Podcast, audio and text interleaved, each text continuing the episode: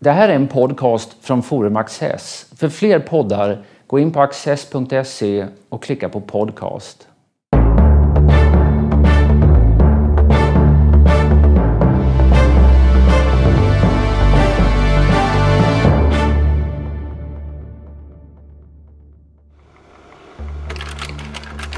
George Orwell, 1903 till 1950, brittisk författare. Debuterade 1933 med socialreportaget Nere för räkning i Paris och London. Han gjorde sig ryktbar drygt tio år senare med Djurens gård och 1984 en fabel och en dystopi om samhällen skapade och styrda av totalitär ideologi. Orwell skrev också bland annat en bok om spanska inbördeskriget, Hyllning till Katalonien och en lång rad artiklar och essäer i politiska och litterära ämnen.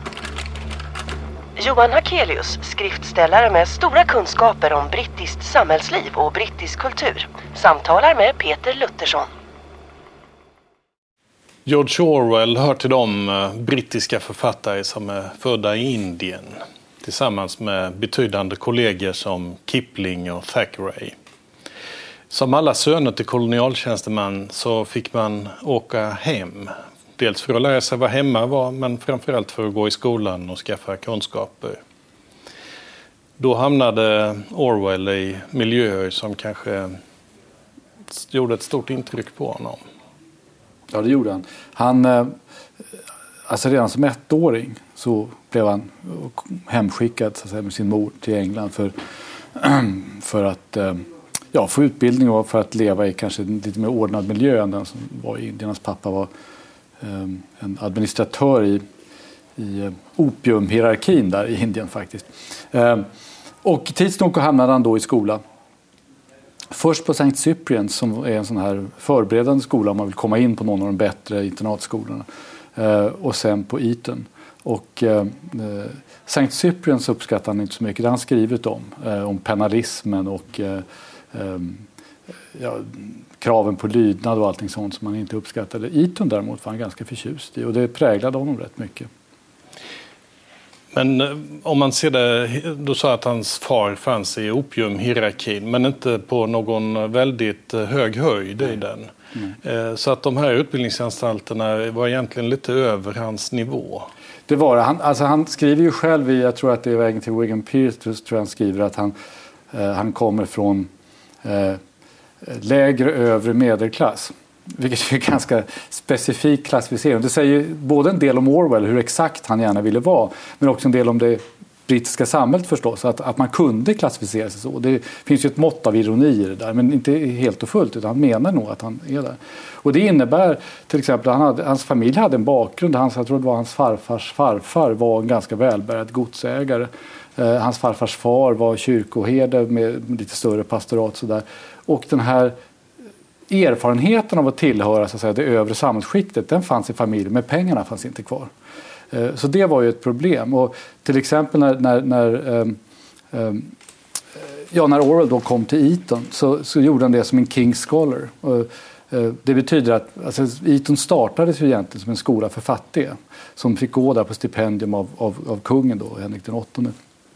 Men blev då väldigt eh, inne bland, bland adeln ganska snabbt och så en stor del av, av, av, eleverna blev då andra typer av självbetalande elever. Men Orwell kom dit på ett king, som King Scholar och upptäckte ju ganska snart att det var lite annorlunda att inte vara en av de betalande eleverna utan en av fattigeleverna kan man säga. Det, eh, det märkte han ju tydligt. Präglade det honom också i vad ska jag säga, en viss eh, motvilja mot eh, det engelska klassamhället? Jag tror att det gjorde honom till en väldigt sammansatt person. Jag tror det är för enkelt att säga att han blev Eh, så att säga, någon slags klasskämpe eller så. För eh, då missar man lite grann med poängen med honom. Alltså hans vänner talade till exempel väldigt ofta om att, att hans sätt att tala, hans talade engelska var en typisk överklassengelska. Och, och det visste han och ibland försökte han prata mera så att säga, arbetarklassengelska och det blev alltid lite parodiskt. Va? Det var lite grann som Eh, man brukade prata då om den dåvarande kronprinsen eh, prinsen av Wales, att han ibland hade, det fanns något som man kallade för prinsen av Wales Cockney, som var när, när kronprinsen försökte vara lite folklig. Och, det gick inte, och han, man menade att ungefär så kunde George Orwell låta. Så det, det, den typen av maner plockade han upp. Han var ju också något av en snobb, även om han eh, systematiskt klädde ner sig i arbetarkläder så var han ändå väldigt noga med sina kläder och sitt utseende. Han hade flera sådana här drag. Han förstod mycket väl den här överklasskulturen.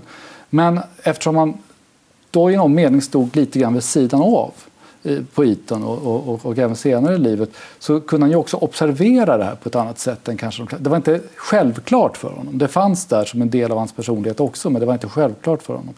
Och jag tror att det är där man hittar lite grann nyckeln till vad som hände med honom tidigt i livet. Eh, det gäller inte, inte bara skolan utan även eh, den koloniala bakgrunden. Alltså den här dubbelheten i att samtidigt förstå kolonialismen eller överklassen eller vad det nu är och å andra sidan vara väldigt kritisk mot den på många sätt.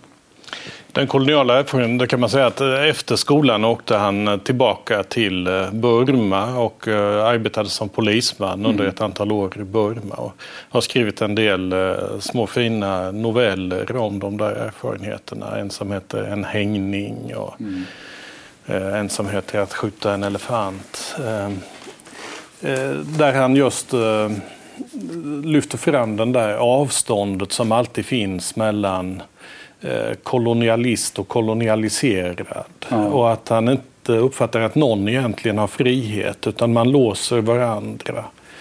Samtidigt så eh, ja, han blir en antiimperialist då kan man säga.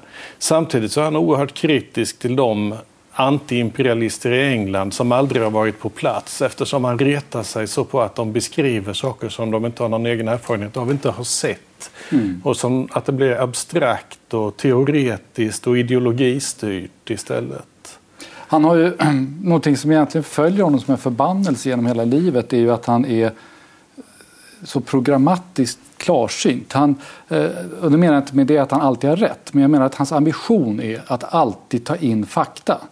Och det betyder ju då att det blir väldigt svårt för honom att vara någonting så enkelt som antiimperialist. För att, eh, han skriver, eh, jag tog fram det här för att eh, just när du nämnde den här eh, Att skjuta en elefant, en av de här eh, eh, novellerna han skriver därifrån. Dels så börjar den ju så fantastiskt eh, på det här kärva Orwellska sättet. Och så här börjar den. I, i Molmain i nedre Burma var jag hatad av många människor. Den enda perioden i mitt liv då jag varit viktig nog för att det skulle kunna hända mig. Det är, det är en fantastiskt bra inledning och genast blir man ju nyfiken på vad som ska hända. Och sen så beskriver han den här historien just om hur han förväntas skjuta en elefant. Och han vet egentligen att han behöver inte göra det och det, vore, och det är dumt att göra det. Men han står där med ett elefantgevär och 2000 bybor bakom sig som förväntar sig det. Så inser han att ja, jag har inget val. Och i det resonemanget gör han just det här, då tar han upp det här resonemanget som du är inne på just att att eh, det första som händer när den vite mannen koloniserar eh, och uppträder som, som härskare i något land är att den vite mannen förlorar sin egen frihet. Man måste leva upp till myten av att vara kolonialherre. Mm. Och så vidare. Precis det som kanske USA skulle haft nytta av innan de invaderade Irak och så. Eh, och, eh, det där är ju väldigt intressant. Men, men problemet då, även i den uppsatsen man läser, problemet för honom om man ska se det som ett problem att inte kunna vara entydig, är att i samma uppsats kan han ju då konstatera att han, han skriver ju uttryckligen att han slits mellan att, att han intellektuellt vet att imperialismen är felaktig och att han, hans högsta nöje ibland skulle ha varit att sticka en bajonett in i en buddhistpräst när han är riktigt förbannad på lokalbefolkningen. Och han konstaterar att Englands imperialism, han förskönar den inte på något sätt, men han konstaterar att det som kommer att komma efter England, när den engelska imperialismen faller, kommer att vara mycket värre. Så han ser alla de här olika sakerna. Eh, ja, en sak som han, han han beskriver det som att England ändå står för mycket gott. Ja. Alltså ungefär samma saker som Kipling. Lag, utbildning, eh, järnvägar, kommunikationer. Eh, att man eh, gör det besvärligt med en del barbariska seder som enkebränning och barnbröllop och sådant. Mm. Den punkt egentligen där han förebrår England det är att man inte rubbar på den inhemska hierarkin utan att man låter de indier som alltid har förtryckt andra indier fortsätta att förtrycka andra indier. Mm. Eh, på det sättet klassamhället på sätt och vis som han ner, slår ner på. Som han slår ner på. Mm. Och där, eh, om man tar Kipling och Orwell som kan synas på väldigt stort avstånd så hamnar de nästan i samma ståndpunkt där. Han skriver ju också ett par essäer om Kipling. Ja, han skriver om Kipling i en period när Kipling var, var eh, rätt föraktad bland intellektuella i varje fall. Som, som en, än just en imperialistisk eh, chauvinist egentligen.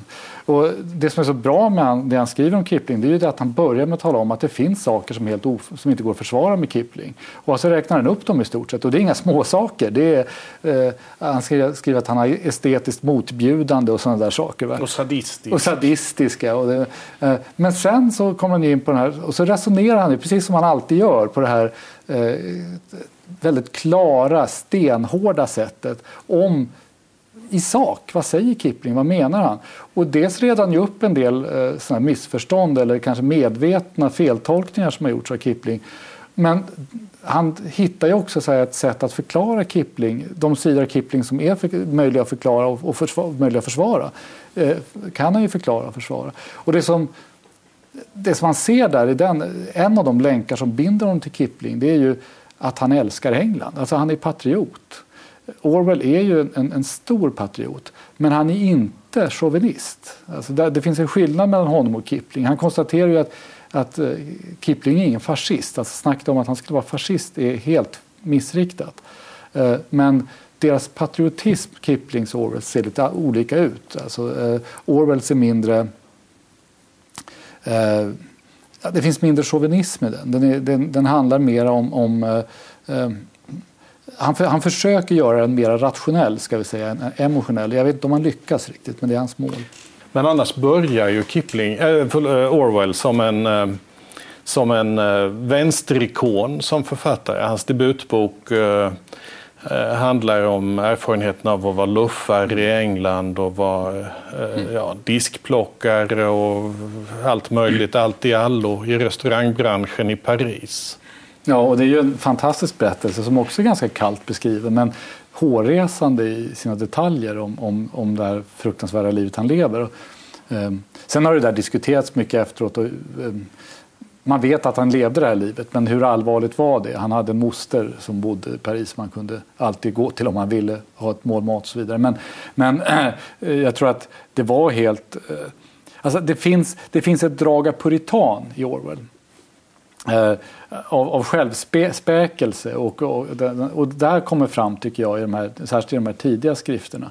Eh, det intressanta med honom där är ju att han inte är entydig där heller. Alltså det som brukar känneteckna puritaner annars är att de är humorlösa och, och, och är träiga och fantasilösa. Och det kan man verkligen inte säga om Orwell. Han är väldigt rolig och det, och det har han ju varit hela tiden. Alltså hans skolkamrater berättar om att han var mycket för practical jokes och sådär. Så han, han kan kombinera en stark moral, liksom bitvis nästan en puritansk moral med en, eh, en realism och en humor. Det där är väldigt ovanligt.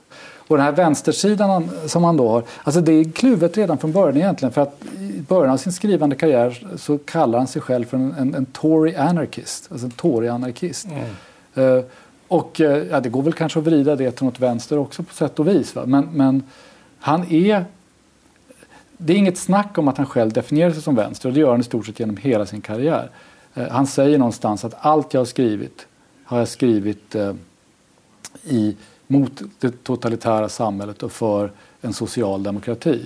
Men Orwell finns kvar och det beror ju på att han aldrig, han platsar aldrig egentligen, han är aldrig en megafon för någonting. Han försöker alltid tänka själv, han går alltid på tvärs med väldigt många saker. Han är visserligen medlem i ett litet parti under en kort period men det betyder inte särskilt mycket. Uh, han, han, han är aldrig någon annans megafon. Och, uh, om vi förflyttar oss till det. Han är med, ja. han är med det där Independent Labour Party ja. som är ett, eh, vänster, ja, ett vänstersocialistiskt parti, alltså till vänster om Labour, men inte riktigt kommunistiskt Nej. kanske. Eh, och han är det en ganska kort period. Han blir medlem 1938 tror jag. Mm. Och han blir det därför att han ehm, eh, Ja, man ser ju att ett krig är under uppsegling och eh, de som är med i ILP, som det förkortas, de ehm, menar alla att det krig som kommer att utspelas mellan Tyskland och England det kommer vara ett krig inom kapitalismen om vem som ska vidmakthålla den kapitalistiska hegemonin. Mm. Och det där är ingenting för arbetarklassen och därmed inte för en eh, frihetlig socialist som eh, George Orwell att engagera sig i. Mm. Utan eh, eh, han väljer då att vara pacifist och vara mot eh, kriget. Men han kommer ju också mycket snart att lämna det där partiet och den avgörande händelsen där är väl egentligen Molotov-Ribbentrop-pakten. Ja.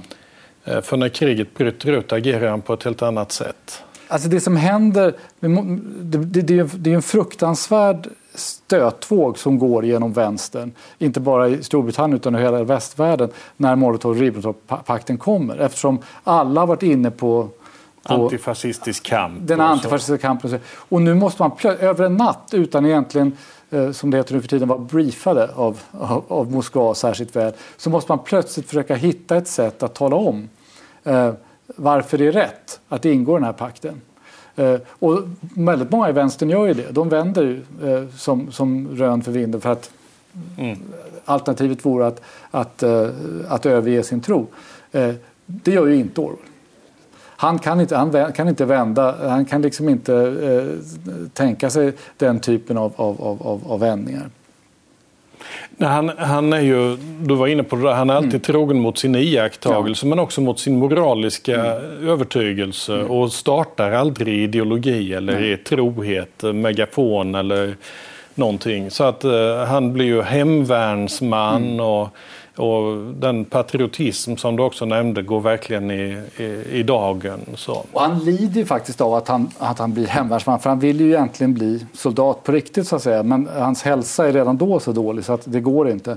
Eh, men han, han skriver till exempel, och det finns en, en, en försvarlig del i den, den eh, eh, så att säga, officiella och offentliga vänstern i England som på olika sätt ser till att slippa delta i kriget. Och han konstaterar då när han läst någonting om, jag tror det faktiskt är om Evelyn Wall och sånt där, som då blir frivillig i kommandotrupperna, hur märkligt den verkar.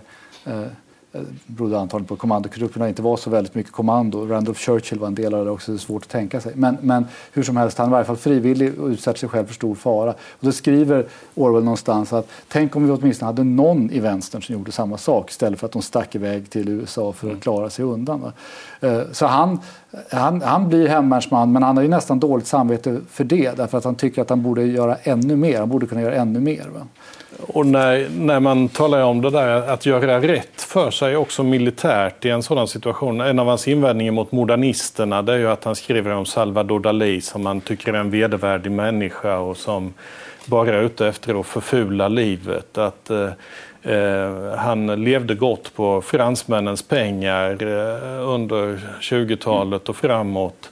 Eh, men när det var dags att ställa upp för Frankrike så smet han omedelbart iväg. Den... Det, Dalí är inte anständig om man säger så. Han använder ju mycket av de där moraliska termerna också mm. när han beskriver Dalí. Att han, han konstaterar helt enkelt att hans konst är, är, är eh, vedervärdig och depraverad. Och ska, man ska diskutera hans konst men man måste utgå ifrån det för annars ljuger man. Det, det är kontentan av hans analys av Dalí. Det tycker jag är ganska intressant. Det är mm. få som vågade göra det då. Vi har fortfarande inte nämnt de två böcker som är eh, de som har gjort att han har blivit eh, mycket läst och mycket spridd. Eh, Djurens gård och 1984. Mm.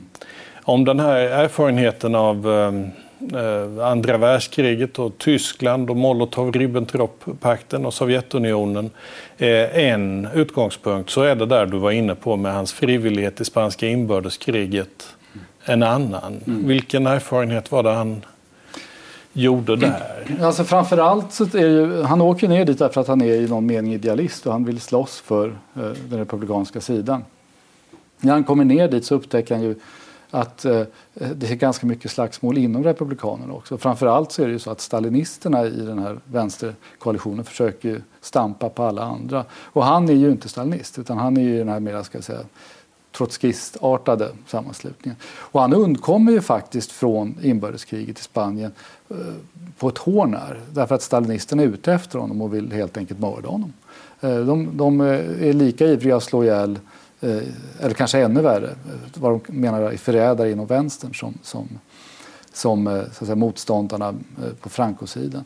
Eh, och det där märker hon ju väldigt, alltså det, där, det där är ju en lärdom för honom eh, som gör att han, han blir för alltid vaccinerad mot den här typen av ideologiproduktion och ännu mer eh, ännu mer allergisk mot den här typen av, av lösa löften. Han får, eh, när han kommit hem från, eh, när han kommit hem från Spanien så är det några eh, av de här vänsterintellektuella som gör en sån sak som är typisk en sån här sak som man avskyr. Va? De skickar ut ett, ett ganska pompöst brev och avkräver författare ett ställningstagande i det spanska inbördeskriget. Eh, man ska då svara, sen ska det här bli en bok både i USA och i, i England. Han svarar så här när han har fått det där brevet. Det, tycker jag är ganska, det säger någonting om hans sinnesstämning då när han har kommit hem. Var så vänliga att sluta skicka mig det där satansskräpet. Det är den andra eller tredje gången jag fått det. Jag är inte en av era moderiktiga fjollor som Åden eller och Spender. Jag var i Spanien under sex månader, större delen eh, av tiden i strid. Jag har ett kulhål i kroppen för tillfället och jag tänker inte skriva ett blaj om att försvara demokratin eller om, om tappra lilla vem som helst. Alltså han, han, han går lös på sina egna vänsterkamrater på det här sättet. Eh, och det, att han blir så hetsk beror ju på den här erfarenheten han har haft. Alltså att han står inte ut med de här naiva Eh, svassarna som liksom håller på och koketterar med sina vänsterståndpunkter. Han har varit där nere, han vet hur det ser ut, han vet hur det är. Han, han står inte ut med det mm. bara. Och det han beskriver i de där böckerna det är ju totalitarismen, ja. alltså ja. det totalitära samhällets vardag och levnadsformer och hur makthavare kontrollerar människor mm. i allmänhet. Och det är ju någonting som har bärighet både på nazismen och, och kommunismen. Mm. Winston Churchill förekommer ju på sätt och vis i 1984. Mm. Ehm, Winston Smith heter ju den här. Huvudpersonen som inträder i handlingen med att skåla för det förgångna. Mm. Och mm, Orwells bild av Churchill är väl eh, överhuvudtaget ganska välvillig. Ja, det får man väl säga. Ehm, och det är, det är också lite intressant för att för att Churchill var ju en person som lyckades reta gallfeber på de flesta annars. Alltså, särskilt bland intellektuella. Var ganska, han var ju ganska illa omtyckt av, av, av eh, intellektuella allmänhet och inte bara vänsterfolk nödvändigtvis. Men, men hos Orwell finns det ju, det finns ju en samstämmighet. Jag, du har något citat där va, tror jag? jag har här på min lilla papperslapp ja. två olika citat. En, ett Orwell skriver 1944. Ja. Det är betecknande att den bäste mannen att ena nationen i katastrofens ögonblick var Churchill. En konservativ av aristokratiskt ursprung. Ja. Och sen den allra sista artikel som, som Orwell fullbordar. Det är en recension av andra delen av Churchills eh, historik över andra världskriget. Eh, och där skriver han, som jag tycker är så fint och som också stämmer med hans egna böcker att hans, det vill säga Churchills, hans böcker liknar mer de som är skrivna av mänskliga varelser än de som är skrivna av offentliga personer. det, är uh.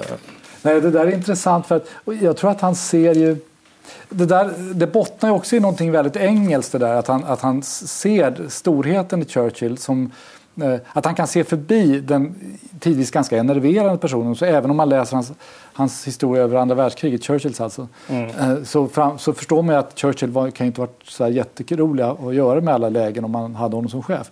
Men han kan ju se förbi det och se någonting större. Och jag tror det har att göra med det här engelska, hans engelska eh, um, Ja, det finns en, alltså, han skrev en uppsats under kriget som heter Lejonet och enhörningen, The Lion and the Unicorn, som är en slags programförklaring för, för varför man måste vara patriot och, och, och vad, vad, vad, England är för någonting. Och, om man läser den, alltså den är, den är bitvis extremt romantisk. Han, han skriver så här. Klappret av träskor i Lancashires bruksorter, lastbilarnas fram och tillbaka på Great North Road, köerna utanför arbetsförmedlingarna, skramlet av kulspelen i Soos pubbar, gamla nuckor som cyklar till nattvarden genom höstmorgonens dimma. Allt detta är inte bara fragment utan karaktäristiska fragment från den engelska scenen. Eh, han skriver lite senare om den engelska civilisationen att den är på något sätt sammanflätad med stadiga frukostar och dystra söndagar, rökiga städer och slingrande vägar, gröna fält och röda brevlådor. Eh, du kan säga vad du vill om detta, men det är din civilisation. Det är du. Njurtallspastejerna och de röda brevlådorna har tagit sig in i din själ. Det är ganska Jo visst, nej, men det är ju patrio- inte nationalistiskt Nej, men nej. patriotiskt. Patriot, och, Och det, det finns också, han pekar ju någon gång på eh, George Gissing som eh, sin favoritförfattare. Kanske den bästa prosaist vi har fått fram i England. ja. Eh, och Gissing har åtminstone en gång skrivit om eh, han skildrade ju framförallt fattigdomen och eländet i London och levde själv ett eländigt liv på alla sätt. Men han skildrade en gång en, eh, ja, en klassöverenskommelse i det brittiska samhället eh, där han menade att underklassen var stolt över sin överklass därför att den här överklassen upprätthöll en standard som man tyckte om. Ett, eh, ja, ett gentlemannaideal om man så vill. Man såg ut som Johan och inte som mig. Så. Men eh, man kunde gilla det. Och så, det är väl en del av vad ska vi säga, Orwells sympati för Churchill också. Och det här en sympati för det autentiska. Ja, och alltså det, det är ju någonting, du, sa ju tid, ganska tidigt här i vårt samtal att eh, ordet anständighet, det finns ju någonting väldigt signifikativt med att han just använder det ordet så mycket, decent, anständig. Eh, för oss klingar det extremt gammaldags. Och på, även på den tiden så var det ju liksom någonting som knöt an till. Vad, vad handlar det om att man är anständig? Jo, Det handlar om att man förstår en konvention. Att man har en, ett sätt att föra sig som är rimligt. Att man, att man eh, Eh, bryr sig om om man blir accepterad av andra människor. Eh, och här finns ju, här finns ju också något väldigt engelskt som också knyter an till det här med Churchill. Just att man accepterar att man, man kan tycka vad man vill om det men det engelska samhället ser ut så här och i det här läget vi nu är i är Churchill rätt person att göra det. Just därför att han är den han är, en överklasstyp. Ja. Nu kanske vi av eh, personlig böjelse gör eh, Orwell lite mer konservativ än vad han var. Så vi får väl sluta med att konstatera ändå att eh, han passade inte i ideologier. Nej. Utan han utgick från moral och han litade på ögats vittnesbörd. Och därför är han mycket läsvärd Ja. och läsbar. Han, han var en revolutionär. Det ska man, alltså han var en vänstermänniska. En rebell. Och En rebell. Och han, äh, han skrev en fantastisk kolumn i Evening Standard till exempel när andra världskriget bröt ut om att eh, det var jättebra att nu befolkningen blev, blev beväpnad därför att eh, alla arbetare borde ha ett vapen i sitt hem för att kunna försvara sig. Så att jag menar, det är inget snack om att han var en vänsterman men, men även i, i själva döden så finns en ambivalens med honom på sätt och vis. Han har alltid, varit, han har alltid sagt sig vara ateist. Även om han går i kyrkan rätt mycket och citerar rätt mycket ur The Prayer Book och så vidare. Han är en anglikan. Eh, men han begär att få bli begravd enligt anglikansk sed när han dör. Eh, på det sätt som man brukar göra då, nämligen på närmsta kyrkogård från den plats där han dör. Nu är ju det London så det är fullt på kyrkogårdarna. Eh, så hans änka då lyckas förhandla till sig en plats ute i, jag kommer inte ihåg vad stället heter, men en liten lantort där de har en bekant som bor. Där ligger han. Och, han, och skälet är att om han skulle bli begravd inne i, i London då skulle han antagligen få lov att bli kremerad. Och den, sådana nymodigheter som man inte alls tycker stämmer med anglikanismen, det vill han inte vara med om. Så att, att hellre begravs han då i sin helhet, om vi säger så, oförstörd på landet eh, eh i en anglikansk eh, process än, än att, att kremeras och begravas i London. Eh, så det finns no och, och, och så kallar han sig ateist. Men alltså det finns den här ambivalensen, går rakt igenom hans liv. Eh, Men det är det som gör honom levande. Och det är också det som gör, det gör honom inte mindre trovärdig eh, i sina skriverier eller i sina politiska uppfattningar, utan precis tvärtom. Just därför att han är en, en riktig människa. Tack så mycket Johan.